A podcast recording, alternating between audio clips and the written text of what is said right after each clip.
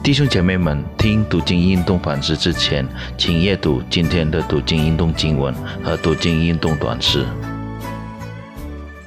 祝内弟兄姐妹们，大家平安。我们要感谢赞美上帝，因为我们今天的生活，我们还有机会来到上帝的面前。我们要祷告，我们一起读经，一起来思想上帝的话。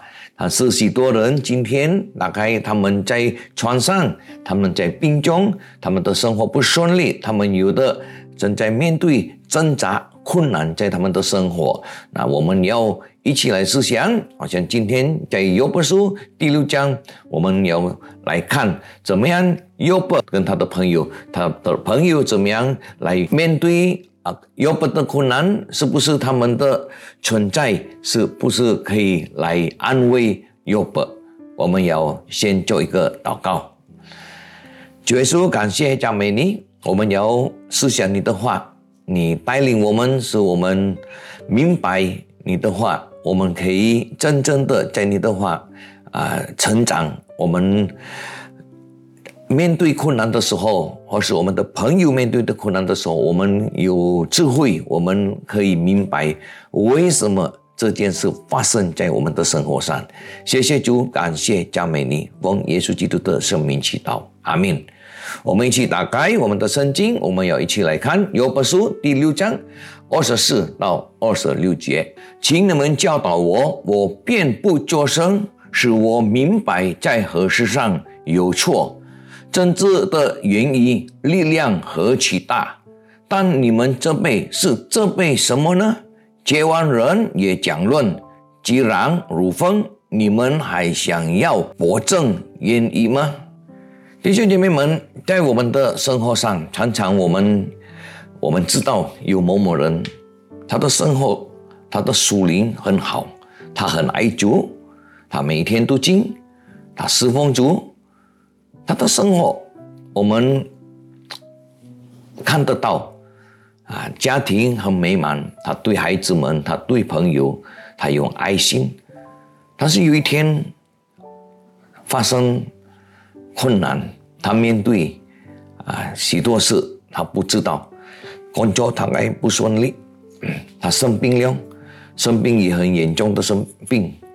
那我们如果有这样的朋友，然后他，我们的朋友跟我们分享，啊，告诉我们他正在啊面对啊困难，他有挣扎，他不明白为什么这件事发生在他是生活上。那作作为一个朋友，我们怎么样来鼓励他？我们怎么样来给他安慰？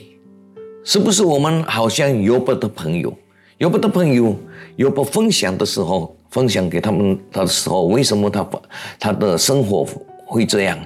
他的朋友想啊，约伯应该约伯已经犯罪了，你已经得罪上帝，所以上帝审判你啊！如果你没有罪，这样的事不会发生在你的身上。弟兄姐妹们，常常我们不明白为什么这个不好的事发生在我们的生活上。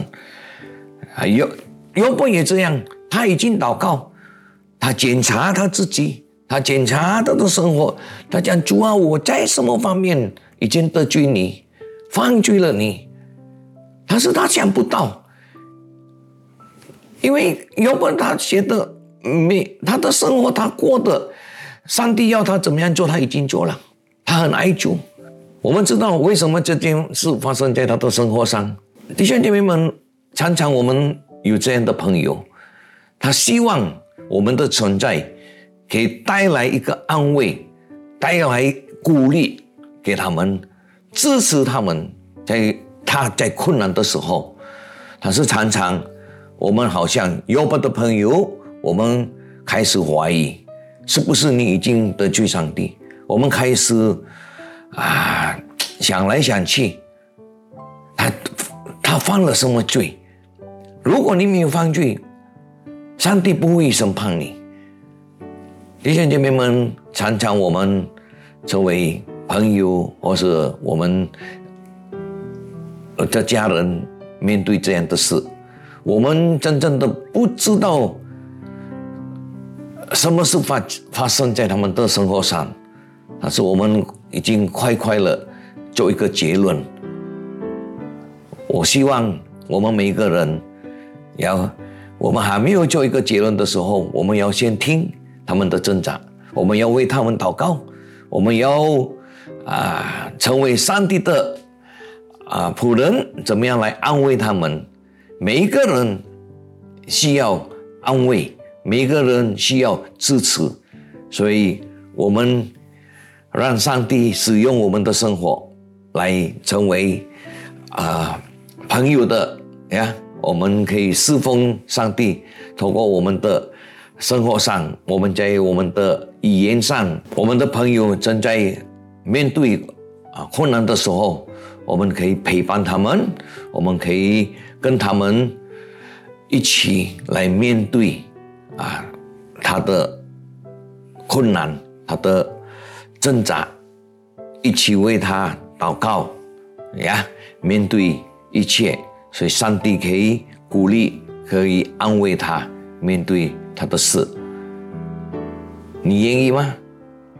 你现在有没有家人或是朋友们正在面对啊这样的事？请你祷告，上帝使用你啊，鼓励他们，安慰他们，使他们在他们的信心呀不。动摇，但是他们真正的没有放弃他们的信心，愿上帝祝福我们。我们一起祷告，耶稣，我们要感谢你。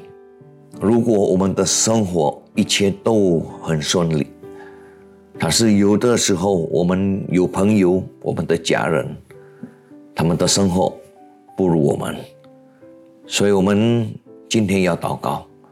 就是如果有朋友们正在面对困难的时候，你使用我们，可以成为他们的安慰者，我们可以鼓励他们，我们可以加强他们的信心，在耶稣基督里。谢谢主，感谢赞美你，祷告奉耶稣基督的圣名，阿门。愿上帝。祝福我们每一位人。